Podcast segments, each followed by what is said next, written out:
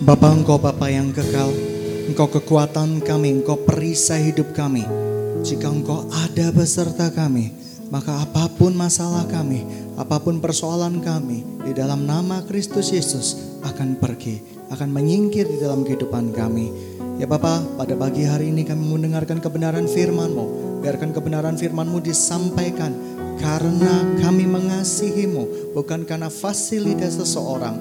Terima kasih Tuhan, kau kuasai tempat ini dengan kuasa roh kudusmu yang memerdekakan kami.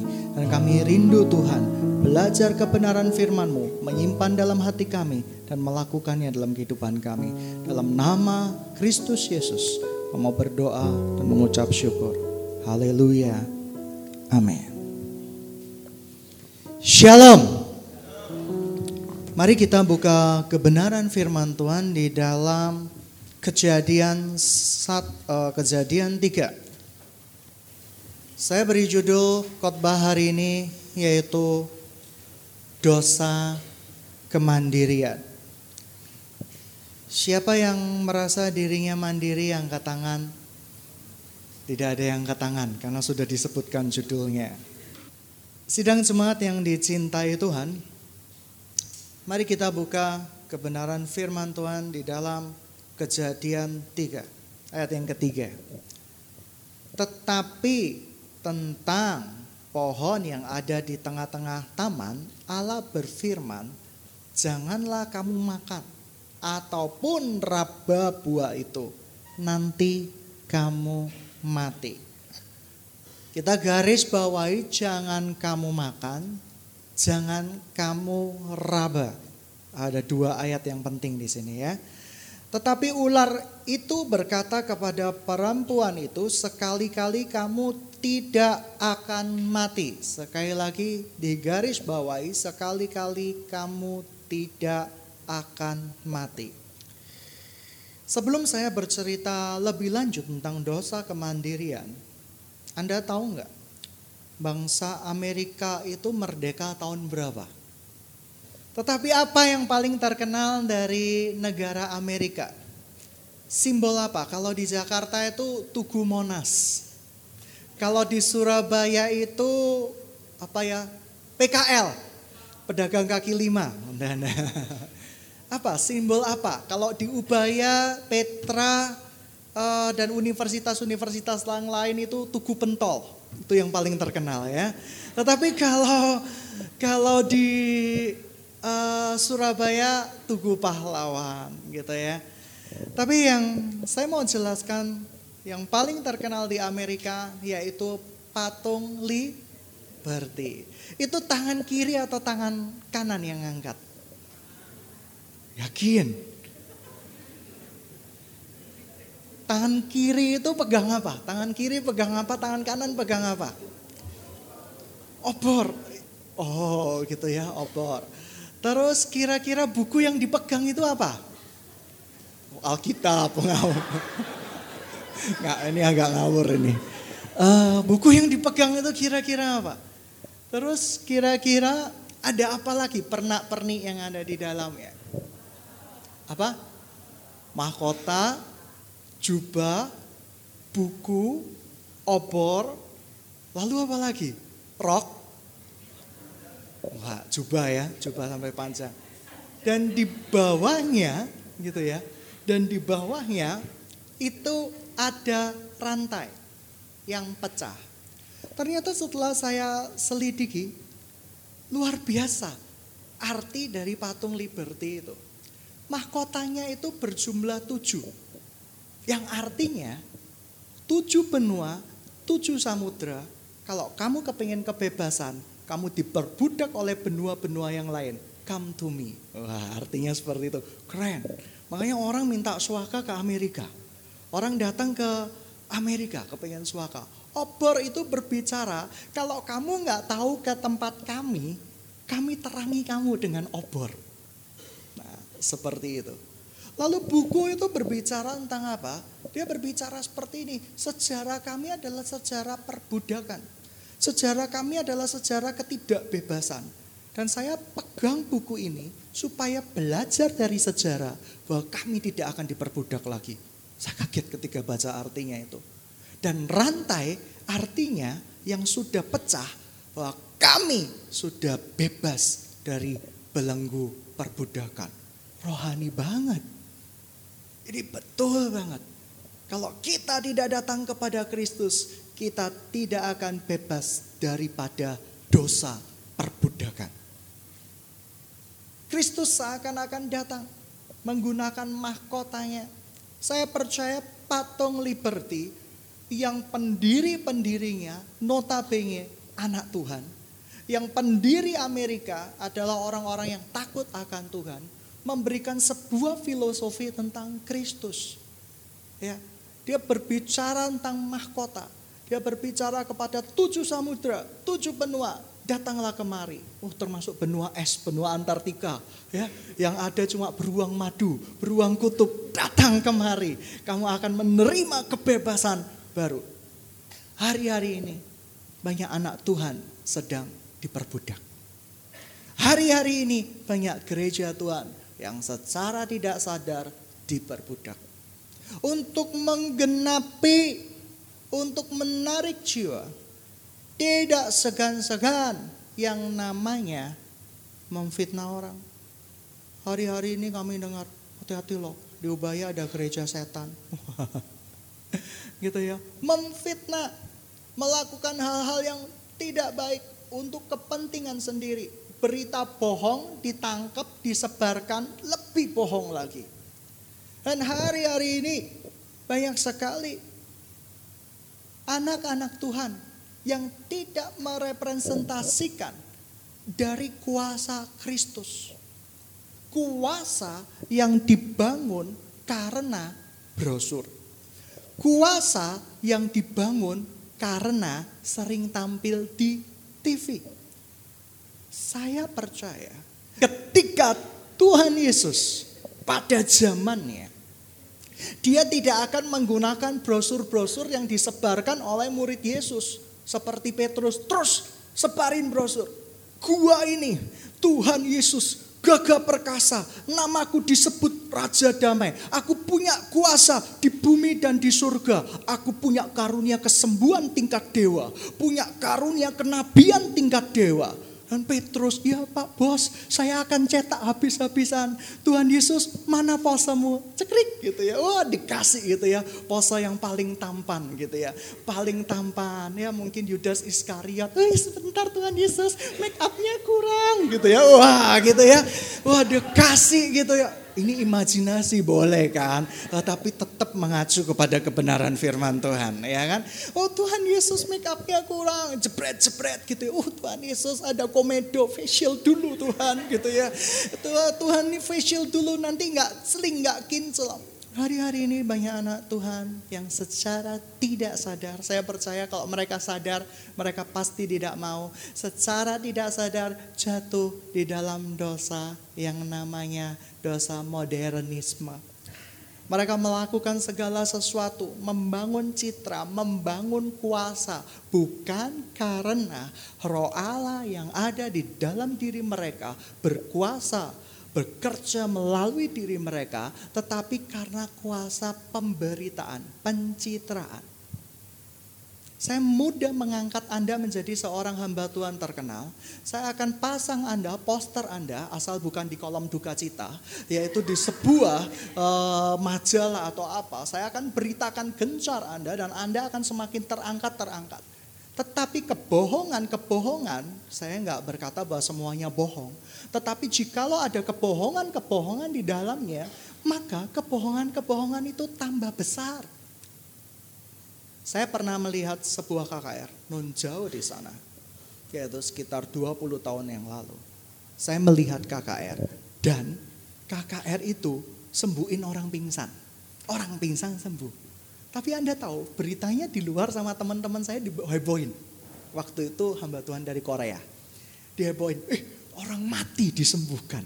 Uh, beredar di pasaran gitu ya. Orangnya sudah kepalanya terpisah jadi dua, disambung kembali. Waduh, berita bohong disebarkan, disebarkan, disebarkan.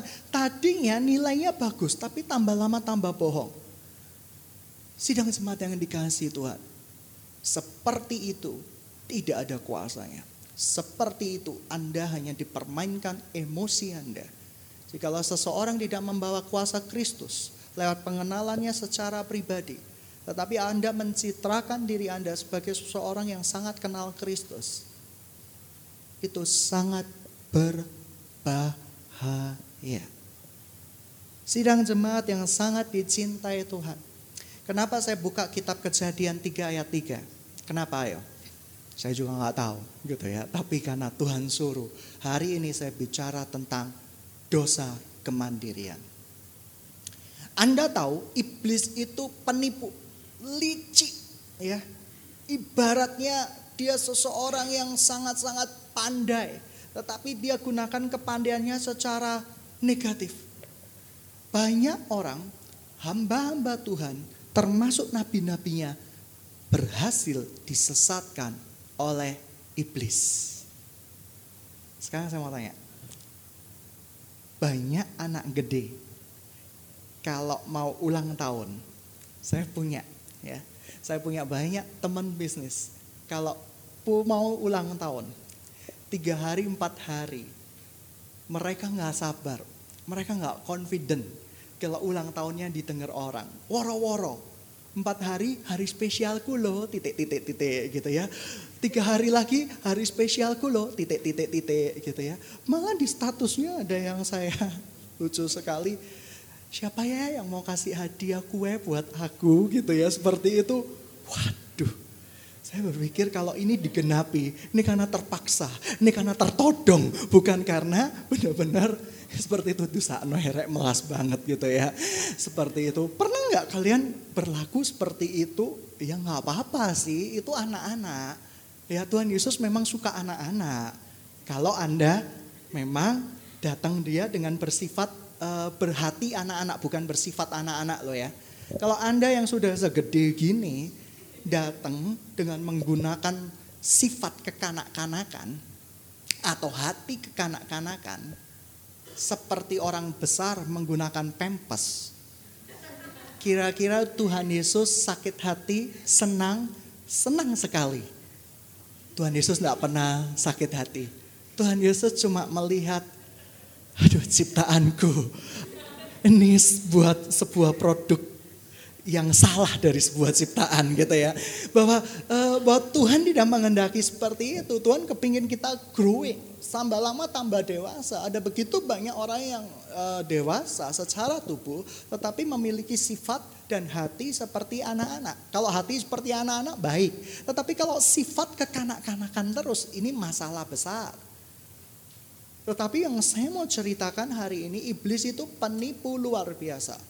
Lalu bagaimana cara dia menipu kita? Mari kita baca kejadian 3 ayat yang ketiga. Tetapi tenanglah, buah pohon yang ada di tengah-tengah taman, Allah berfirman, janganlah kamu makan ataupun raba buah itu, nanti kamu mati. Tetapi ular itu berkata-kata kepada perempuan itu, sekali-kali kamu tidak akan mati.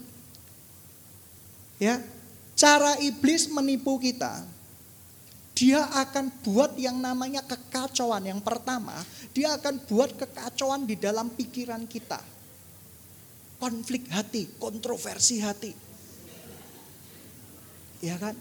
Wah, dia akan buat kacau di dalam hati kita terlebih dahulu. Dan iblis menyisipkan kata-kata yang kedengarannya rohani. Dia mungkin berkata kepada Hawa, "Sudah saatnya kamu mandiri, tidak perlu bergantung dengan Tuhan. Sebab kalau kamu makan buah ini, maka kamu akan memiliki kuasa seperti Tuhan. Dan iblis berhasil menanamkan pikiran sekali lagi. Pertama-tama Ayat ini membuktikan pikiran jahat itu dari iblis. Sekali lagi semua pikiran jahat itu berasal dari iblis. Anda tidak percaya bahwa semua pikiran jahat dari iblis? Mari kita buka 2 Korintus 11 ayat 3. 2 Korintus 11 ayat yang ketiga. Tetapi aku takut kalau-kalau pikiran kamu disesatkan dari kesetiaan kamu yang sejati kepada Kristus. Sama seperti Hawa diperdayakan oleh ular itu dengan kelicikannya. Saudara, dari zaman perjanjian lama sampai perjanjian baru, kisahnya hampir sama. Bahwa aku takut pikiran kamu disesatkan. Ini berarti tidak sengaja disesatkan. Kita tidak sadar kalau itu disesatkan oleh iblis.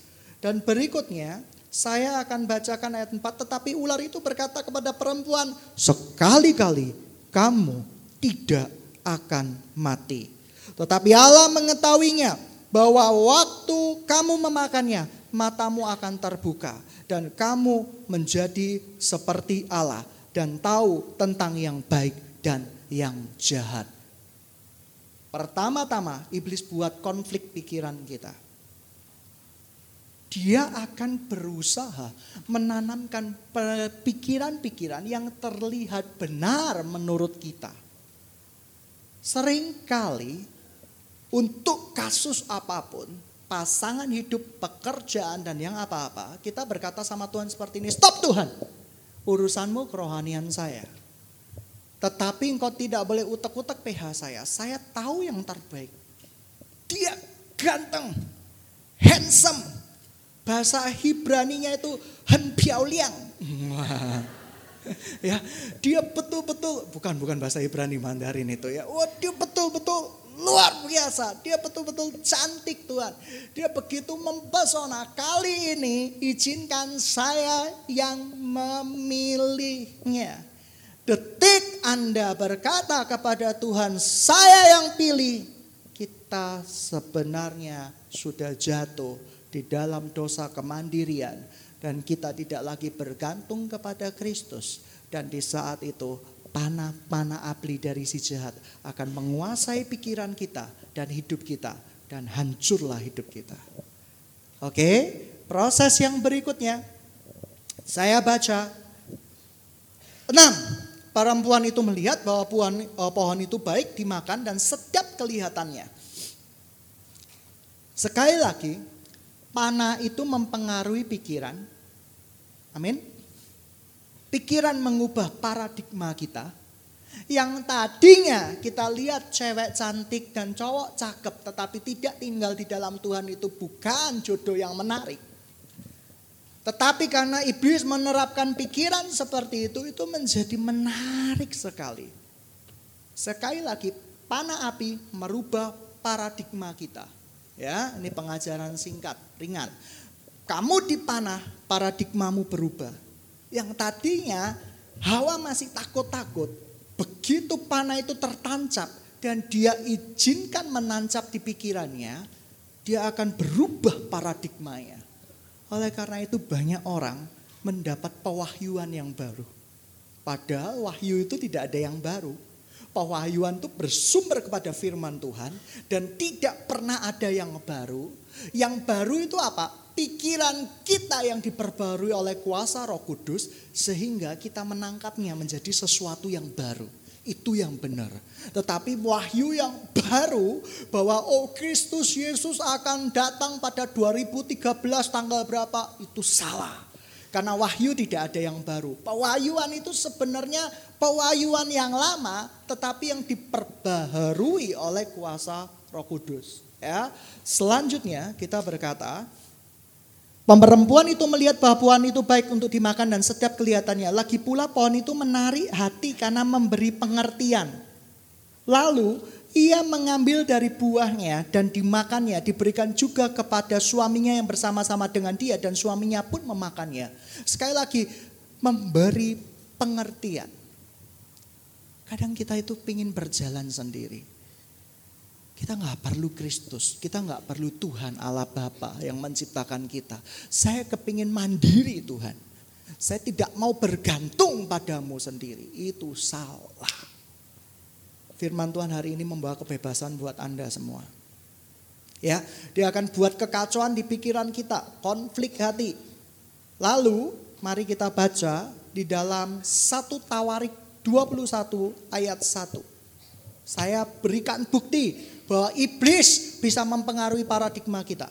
Dan pasti bisa kalau kita nggak dekat sama Tuhan. Satu tawarik, satu tawarik 21 Ayat yang pertama. Iblis bangkit melawan orang Israel dan ia membujuk Daud untuk menghitung orang Israel. Hei, yang suruh Daud hitung orang Israel itu siapa? Gagasan iblis. Dan Daud tahu nggak kalau iblis yang suruh? Nggak tahu. Kita baca di ayat selanjutnya, lalu Daud berkata pada Yoab dan kepada pemuka rakyat, pergilah, hitunglah orang Israel dari Bersheba dan sampai Dan, bawalah hasil kepadaku supaya aku tahu jumlahnya mereka. Lalu berkatalah Yoab, kiranya Tuhan menambahi rakyatnya seratus kali lipat daripada yang akan sekarang. Ya Tuhanku Raja, bukankah mereka sekalian hamba-hamba Tuanku? Mengapa Tuanku menuntut hal itu? Mengapa orang Israel harus menanggung kesalahannya oleh karena hal itu? Karena Tita Raja itu terpaksalah diikuti Yoab. Maka pergilah Yoab menjelajah seluruh Israel dan kemudian kembali ke Yerusalem. Maksud Daud sebenarnya ketika ditipu iblis, dia mendapatkan pencerahan. Ting! Seperti Lang Linglung di kisah Donald Bebek. Ada gambar lampu, dia bertindak tanpa perintah dari Tuhan. Berapa banyak kita bertindak tanpa perintah dari Tuhan. Dan dia berkata, sudah saatnya saya mandiri. Sudah saatnya saya tahu yang terbaik untuk saya. Tuhan lihat, saya akan persembahkan buat engkau Tuhan. Dan kau akan lihat kemuliaanmu dinyatakan lewat hidupku. Manis didengar manusia, tetapi tidak manis didengar Tuhan. Manusia dengan Tuhan pada awalnya mereka bergantung. Manusia sangat bergantung dengan Tuhan. Oleh karena itu begitu banyak karunia-karunia rohani yang bisa dinikmati Adam dan Hawa waktu hidup di Taman Eden. Mereka bisa mendengarkan suara binatang, bisa berbicara pada binatang, dan mereka memakan buah dengan pemeliharaan dari Tuhan, dan itu sempurna sekali. Tetapi saat pikirannya berhasil dikuasai oleh iblis. Saat pikiran Daud berhasil dikuasai iblis. Tahu nggak? Daud tuh ngadain sensus itu apa? Sebenarnya bagus. Kalau kalau mau perang, Daud itu punya berapa pesawat tempur? Dia harus tahu. Kalau mau perang, saya ini punya berapa pasukan berkuda? Saya harus tahu supaya saya bisa mengimbangi kekuatan lawan. Tetapi justru dengan menghitung, Daud mengalami kekalahan. Kelihatannya gede, kelihatannya besar, kelihatannya berkuasa penuh. Tetapi mudah dikalahkan oleh lawan-lawannya. Karena apa? Karena dia menghitung kekuatannya. Saya mau kasih tahu, kalau Tuhan suruh buat sesuatu yang tidak masuk di akal. Awal pertama, saya merasa dibohongin sama Tuhan. Ya, Tuhan, saya mau melayani ke mana pun kau berada. Saya jujur, saya paling gak suka pendidikan. Tapi Tuhan suruh, Tuhan kirimkan orang-orang yang punya jubah pendidikan, bangun pendidikan dan saya akan doakan. Dan saya doakan pendidikan sepintas lalu itu kurang lebih udah bertahun-tahun.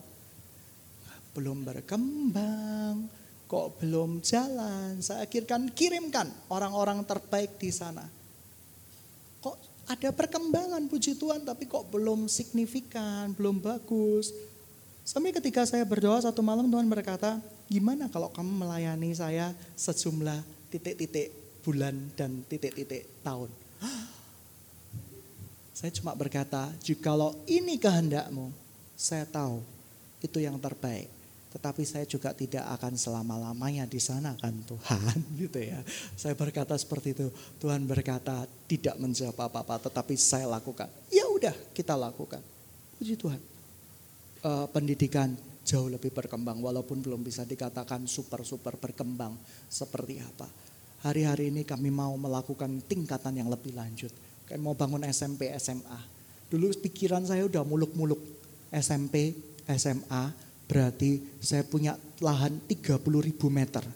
Di sana ada futsal. Saya sudah merancang pikiran saya. Disisipi sama iblis. Terus terang disisipi sama iblis. Karena begitu saya disuruh Tuhan, saya nggak berani. Mana lahannya dulu Tuhan? Kalau ada lahan, ada guru, gua jalan. Itu namanya bukan ketaatan. Semua orang juga bisa lakukan itu. Tapi yang saya mau jelaskan waktu itu, Tuhan selalu berkata, ganti pikiranmu menjadi pikiranku. Pikiran Tuhan kadang tidak selalu harus mewah. Banyak orang menganggap kalau ide itu dari Tuhan atau pikiran itu dari Tuhan, Tuhan pasti kasihin yang asik-asik, yang mewah-mewah, mobil super duper mewah. Iya enggak? Sekolahan yang fantastiko. Sekolahan yang tingkat 10. Ya kan? Ada lift naik, enggak ada lift turun. Wah gitu ya. Tingkat 10. Kalau mau turun banji jumping. Wah gitu ya. mau. Nggak mau kan? Saya juga nggak mau. Tapi Tuhan kadang berkata bahwa ide-ide yang sangat sederhana, yang kelihatannya pasaran murahan, bisa jadi itu idenya Tuhan. Karena Tuhan kita itu unik, luar biasa. Banyak hamba Tuhan selalu berkata, berkat, berkat dan berkat. Kalau kau tidak diberkati, maka kau bukan dari Tuhan. Berkat, berkat, berkat. Saya bukan pendeta yang berkat itu. Tapi yang saya mau kasih tahu bahwa berkat Tuhan selalu ada di dalam kehidupan kita dan tidak mesti di dalam keuangan. Ketika kamu nggak punya uang pun, anakmu yang tadinya harusnya ke dokter, yang harusnya kamu ke dokter, tapi tiba-tiba nggak jadi ke dokter, atau ada orang lain yang berkati, itu yang namanya berkat. Tapi kalau berkat itu betul-betul dari Tuhan, damai sejahtera akan melampaui hidup kamu dan kamu akan selalu bergantung sama Tuhan. Berikutnya, supaya selesai cepat dan masing-masing menemukan pasangan hidup masing-masing, saya akan cepat kabut saja. Ya kan? Yang kedua, tahapan berikutnya. Yang pertama dia buat konflik pikiran atau kekacauan pikiran. Yang kedua dia tangkap emosi kita. Iblis menangkap emosinya Hawa dengusannya Hawa, nafasnya Hawa yang memburu. Biasa perempuan tidak tahu lihat tas cantik dan baju cantik. Walaupun sudah beli baju, tas dan sepatu masih menginginkan juga. Ini hawa-hawa masa kini. Gitu ya. Nah, satu kali Hawa dibawa ke toko modern butik. Wah. Dia pakai sandal yang sangat bagus. Dia ada pajangan-pajangan sandal yang bagus. Dan iblis melihat dengusan di hidungnya Hawa modern ini. Gitu ya. Wah, yang cowok dibawa ke mana? Tempat penuh video game, elektronika, gadget, wah gitu ya. iPhone, iPad, dan bisa melihat dengusannya. Dan kadang toko modern itu berupa pasangan-pasangan, calon-calon pasangan hidup. Ih, cantik, handsome, menarik gitu ya. Dilihat dengusannya. Iblis peka, ini iblis yang Lucifer kalau iblis yang tingkat-tingkat uh, eh, RT atau tingkat-tingkat apa ya, yang ya tingkat-tingkat kecil itu dia nggak bisa rasain dengusannya anak Tuhan. Mungkin anak Tuhannya punya karunia yang lengkap, tapi dia lihat dari air liurnya anak Tuhan. Ya, nah ketika dia melakukan itu, iblis tangkap emosinya, dan emosinya dipermainkan sedemikian rupa. Aduh, begini nasib jadi bujangan. Jomblo forever. Wah, dikasihin konflik pikiran. Uh, menari-nari gitu ya seperti itu. Dan tujuh iblis, delapan iblis menari-nari seperti penari Afrika hula-hula. Uh, gitu ya menari di pikiran kita. Tes, tes, tes gitu ya. Dia buat emosi kita dipermainkan. Dan tahapan yang ketiga, Dia yang akan kontrol tindakan kita. Bingo, dapat kamu. Kamu ku kontrol. Berapa banyak pasangan hidup? Saya bukan orang baik dulunya. Dan saya juga bukan orang baik sekarang, sedang diperbaiki terus menerus. Yang baik hanya Tuhan. Amin. Amin. Tapi berapa banyak teman-teman yang pacaran, yang sudah pacaran, pertama-tama mau jaga kekudusan, bergandengan tangan dalam kasih, dalam satu hati, berkumpul dalam, ya enggak, berapa, berapa lama kita meresapi ayat lagu itu, Shalom. Dan akhirnya kacau. Iblis mengobrak-abrik pertahanan kita dan hancur semua sudah. Sidang jemaat yang sangat dikasih itu, eh gerakan itu jangan ditirukan loh ya. ya itu gerakan yang waktu kami bercanda, ya seperti itulah orang pacaran. Nah tetapi berikutnya, berikutnya kita baca di dalam Wahyu 12 ayat 9. Wahyu itu artinya khotbah mau berakhir. Dan ya gitu ya. Eh sebelum wahyu ya saya dulu deh, kasihan Yesayanya. Yesaya 14 ayat yang ke-14. Saya minta yang suaranya ngaku-ngaku suaranya bagus. Enggak ada yang ngaku ya. Saya minta uh, Yesaya 14 ayat yang ke-14 dibacakan.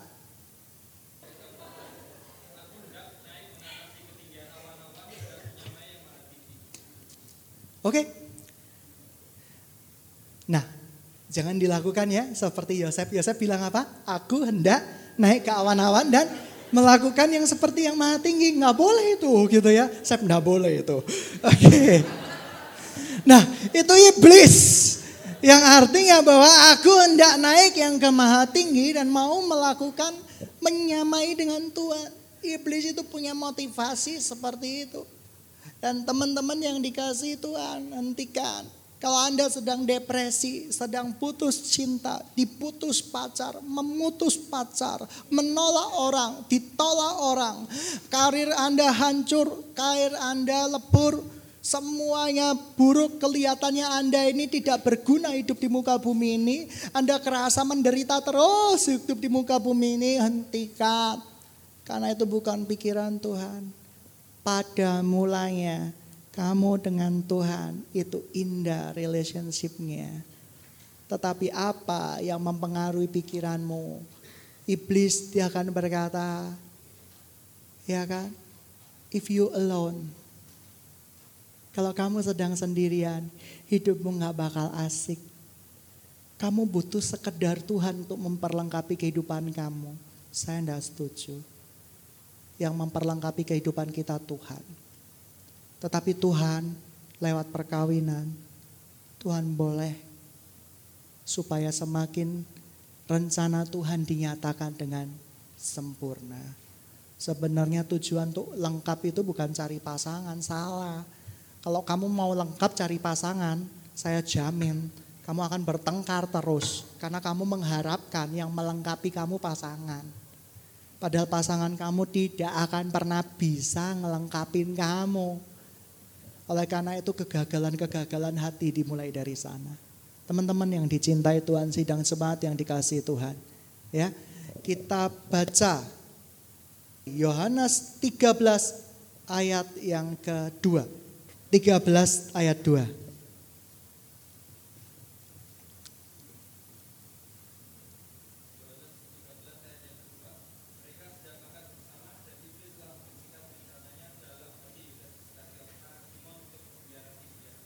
membisikkan, whispering. Hai, ayat-ayat ini membuktikan bahwa iblis satu-satunya lawan kita. Ya. Dan berikutnya, saya mau kasih tahu. Tadi dia udah tahu cara-cara iblis menguasai kehidupan kita. Akibat iblis menguasai kehidupan kita. Saya cepat saja. Yang pertama, pemisahan hubunganmu dengan Tuhan. Ketika Hawa, Adam jatuh dalam dosa, dia terpisah hubungannya dengan Tuhan. Yang kedua, jauh dihancurkan, dihilangkan karunia-karunia sorgawi. Sehingga yang muncul adalah karunia-karunia duniawi yang kepingin kelihatan keren di mata orang, gagah di mata orang. Yang sehingga krisis kepercayaan diri. Dia perlu tanya sama teman-temannya. Eh, benernya gua ganteng gak sih? Oh, krisis kepercayaan diri. Emangnya kalau ganteng kenapa? Kalau enggak kenapa? Ya kan? Kalau ganteng jadikan aku pacarmu. Wah gitu ya. Kalau nggak ganteng perbaiki aku untuk menjadi pacarmu. Ini kacau orang ini ya. Tapi yang saya mau kasih tahu hari ini. Bahwa banyak orang memiliki krisis kepercayaan diri karena terpisah hubungannya dengan Tuhan. Ya, ciri-ciri akibat dikuasai iblis itu seperti itu pikirannya. Dia jauh dari Tuhan, terpisah dari rencana Tuhan. Ya, yang berikutnya apa? Dia krisis karunia-karunia sorgawi. Dia bangun image dengan karunia-karunia jasmani, kekuatan sendiri. Dia khotbah dengan kekuatan sendiri. Uh, dia sembuhin orang dengan kekuatan sendiri. Dia gunakan eh, teknik-teknik uh, keyakinan. Kamu sudah sembuh, amin, amin, sudah sembuh. Loh masih ada kanker, saya foto masih ada kanker. Wes percaya oh, hilang. Loh gak percaya, gak beriman ya mana sembuh. Ini orang gila. Krisis kepercayaan diri. Gak ada karunia-karunia sorgawi lagi habis. Dan yang berikutnya apa? Akibat-akibat perbudakan iblis. Ya kita diperbudak selama-lamanya. Kita dirantai sama iblis selama-lamanya. Lalu bagaimana caranya keluar dari perhambaan iblis itu? Belajar. Satu, miliki sikap hati bahwa kita tidak akan pernah bisa tidak bergantung kepada Tuhan. Di dalam setiap keputusan, di dalam setiap pemikiran kita, kita bergantung penuh dengan Tuhan. Yang kedua, banyak orang yang merasa dirinya baik-baik saja. Tetapi sebenarnya dia masuk ke dalam neraka. Tetapi banyak anak-anak Tuhan yang sudah melakukan hal yang benar, sudah melakukan hal yang indah, terus menerus masuk di dalam perangkap iblis yang kedua. Merasa tidak pernah puas dengan hubungannya dengan Tuhan. Dia merasa tak ketakutan. Ini tipuan iblis tingkat tinggi. Dia merasa ketakutan, takut tidak dicintai Tuhan.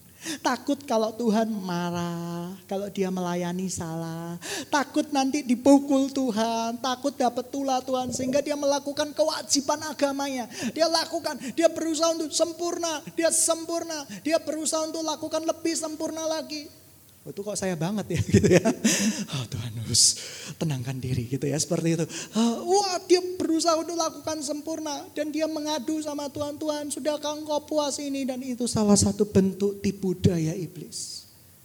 Hubungan di dalam Tuhan itu indah. Kalau kita buat salah, dia akan ambil tangan kita, dia akan peluk kita. Do the best, lakukan yang terbaik. Kamu umatku, engkau pilihanku. Setiap pekerjaan kecil apa pun di mata Tuhan itu indah. Saya pernah bayangkan. Adam dan Hawa. Mereka berlari-larian di Taman Firdaus. Mereka memetik bunga. Dan diberikan kepada Allah Bapa. Dan berkata, bagus nggak bunga ini? Tuhan berkata, bagus. Ada keintiman, ada kemesraan di sana. Tetapi ketika manusia terputus hubungannya dengan Tuhan, dia merasa selalu gagal melakukan apa pun juga. Sekalipun yang dilakukan sudah berkenan di mata Tuhan. Ini ekstrim kanan. Ada yang ekstrim kiri. Merasa dilindungi Tuhan. Dicintai Tuhan. Merasa pekerjaannya baik-baik saja. Tetapi sebenarnya jauh dari Tuhan. Saya tidak tahu. Anda yang ditipu yang ekstrim kiri atau ekstrim kanan. Tetapi yang saya mau kasih tahu sekarang, kebenaran firman Tuhan ya dan amin. Kembalilah datang kepada Tuhan. Hentikan punya pikiran Tuhan tidak cinta engkau. Hentikan punya pikiran bahwa engkau bisa melakukan sendiri. Miliki hati yang selalu bergantung kepada Tuhan. Dan kalau ada kesempatan saya akan ceritakan tahapan lebih lanjut bagaimana cara merubah dosa kemandarian menjadi kesuksesan yang luar biasa. Tetapi hari ini cukup sampai di sini saya melihat, saya merasakan di dalam hati saya. Ada begitu banyak orang yang sudah tidak mulai bergantung lagi sama Tuhan. Hati-hati, kamu pasti jatuh. Bukan kamu akan jatuh, kamu pasti jatuh. Mari kita tundukkan kepala kita. Saya minta pemain musik maju ke depan. Hari-hari ini Tuhan cari orang yang bergantung penuh di dalam pada dia di dalam hidupnya. Saya percaya. Patung Liberty di Amerika merepresentasikan kasih Tuhan. Engkau yang letih lesu berbeban berat datang ke tempat ini. Anda yang dianiaya di negara lain datang ke tempat ini. Dan saya percaya, saya percaya itu terjadi.